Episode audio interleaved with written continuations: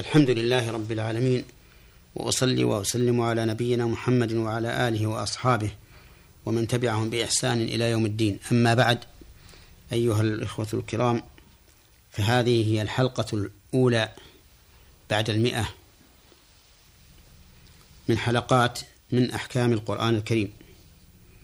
نبدأها بقول الله تعالى إنا أرسلناك بالحق بشيرا ونذيرا ولا تسأل عن أصحاب الجحيم. المرسل هو الله عز وجل والخطاب للرسول صلى الله عليه وآله وسلم فهو الرسول وقوله بالحق يحتمل أن تكون بيانا للمرسل به فإن ما جاء به الرسول صلى الله عليه وآله وسلم حق وما سواه باطل ويحتمل أن تكون بيانا للرسالة.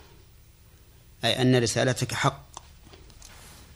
ليس فيها شيء من الباطل. والمعنيان صحيحان. فرسالة النبي صلى الله عليه وسلم حق. وما أرسل به من العلم والإيمان والعمل الصالح فهو حق. بشيرا ونذيرا. صفتان من صفة الرسول صلى الله من صفات الرسول صلى الله عليه وآله وسلم. أنه بشير وأنه نذير. فهو بشير للمؤمنين وهو نذير للكافرين. قال الله تعالى الحمد لله الذي أنزل على عبد الكتاب ولم يجعل له عوجا قيما لينذر بأسا شديدا من لدنه ويبشر المؤمنين الذين عملوا الصالحات أن لهم أجرا حسنا ماكثين فيه أبدا وينذر الذين قالوا اتخذ الله ولدا ما لهم به من علم ولا لآبائهم كبرت كلمة تخرج من أفواههم إن يقولون إلا كذبا. فهو صلى الله عليه وسلم بشير للمؤمنين بالثواب العاجل والآجل ونذير للكافرين بالعقاب العاجل والآجل. ولا تسأل عن أصحاب الجحيم أي لا يسألك الله تعالى عن أصحاب الجحيم بعد إذ أنذرتهم فإن سيئاتهم على أنفسهم. أما أنت فقد بلغت الرسالة وأديت الأمانة ونصحت الأمة. في هذه الآية من الفوائد والأحكام إثبات رسالة النبي صلى الله عليه وآله وسلم لقوله تعالى إنا أرسلناك. وفيها من الفوائد والأحكام أن رسالة النبي صلى الله عليه وآله وسلم حق. لقوله أرسلناك بالحق. وفيها من الفوائد والأحكام وجوب اتباع الرسول صلى الله عليه وآله وسلم لكونه رسول الله ولكون ما جاء به حقا. وضد الحق هو الباطل. فمن خالف النبي صلى الله عليه وآله وسلم فهو على باطل. ثم إن هذا الباطل قد يكون شاملا لجميع أعماله كالكافر بما جاء به الرسول عليه الصلاة والسلام. وقد يكون الباطل في بعض أعماله كمن فعل معصية لا تخرجه من الإسلام فإن, فإن هذه المعصية تكون باطلا وما معه من الحق يكون حقا. ومن فوائد هذه الآية الكريمة وأحكامها أن النبي صلى الله عليه وآله وسلم ليس له حق من الربوبية والتصرف في الخلق وإنما هو بشير ونذير.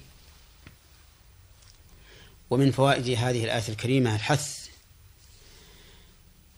على فعل ما يكون بشارة للعبد وذلك هي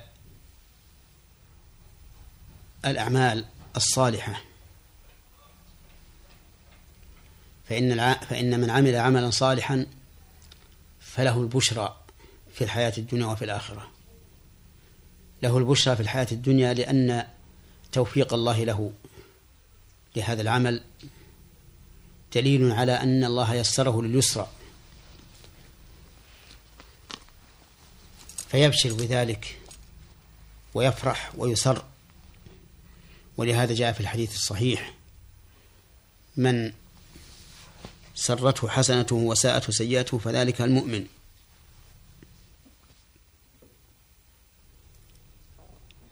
فأنت إذا رأيت الله تعالى قد وفقك للعمل الصالح فأبشر بالخير. قال النبي صلى الله عليه وآله وسلم ما منكم من أحد إلا وقد كتم مقعده من الجنة ومقعده من النار. قالوا يا رسول الله أفلا ندع العمل ونتكل على الكتاب؟ قال لا اعملوا فكل ميسر لما خلق له. أما أهل السعادة فييسرون لعمل أهل السعادة وأما أهل الشقاوة فييسرون لعمل أهل الشقاوة. ثم تلا قوله تعالى فأما من أعطى واتقى وصدق بالحسنى فسنيسره لليسرى. وأما من بخل واستغنى وكذب بالحسنى فسنيسره للعسرى. وعلى هذا فينبغي للإنسان إذا رأى أن الله يسره للعمل الصالح وهداه له وسهله عليه أن يحمد الله على هذه النعمة وأن يسر بذلك. قال الله تعالى في الحديث القدسي يا عبادي إنما هي أعمالكم أحصيها لكم ثم أوفيكم إياها. فمن وجد خيرا فليحمد الله ومن وجد غير ذلك أو قال سوى ذلك فلا يلومن إلا نفسه. وإذا وجد من نفسه أن العمل الصالح ثقيل عليه وأن نفسه تنقاد بسرعة إلى العمل السيء فليرجع إلى الله عز وجل وليتب إليه وليحذر مما هو عليه. ومن فوائد هذه الآية الكريمة وأحكامها أن رسول الله صلى الله عليه وآله وسلم لا يسأل عن ضلال الضالين ومن كان من أصحاب الجحيم. لقوله تعالى ولا تسأل عن أصحاب الجحيم ومن فوائدها وأحكامها أن الإنسان إذا أدى ما عليه من إبلاغ الشرع والدعوة إليه فإنه لا يناله من ضلال الضالين شيء. إنما يضلون على أنفسهم. قال الله تعالى لنبيه صلى الله عليه وآله وسلم إنك لا تهدي من أحببت ولكن الله يهدي من يشاء وهو أعلم بالمهتدين. وقال وقال تعالى إن عليك إلا البلاغ. وقال الله تبارك وتعالى فذكر إنما أنت مذكر لست عليهم بمسيطر. إلا من تولى وكفر فيعذبه الله العذاب الأكبر. إن إلينا إيابهم ثم إن علينا حسابهم. ومن فوائد الآية الكريمة وأحكامها أن أصحاب الجحيم الذين هم أهل الجحيم لا يستفيدون برسالة النبي صلى الله عليه وسلم شيئا لأنهم قد حقت عليهم كلمة العذاب والعياذ بالله.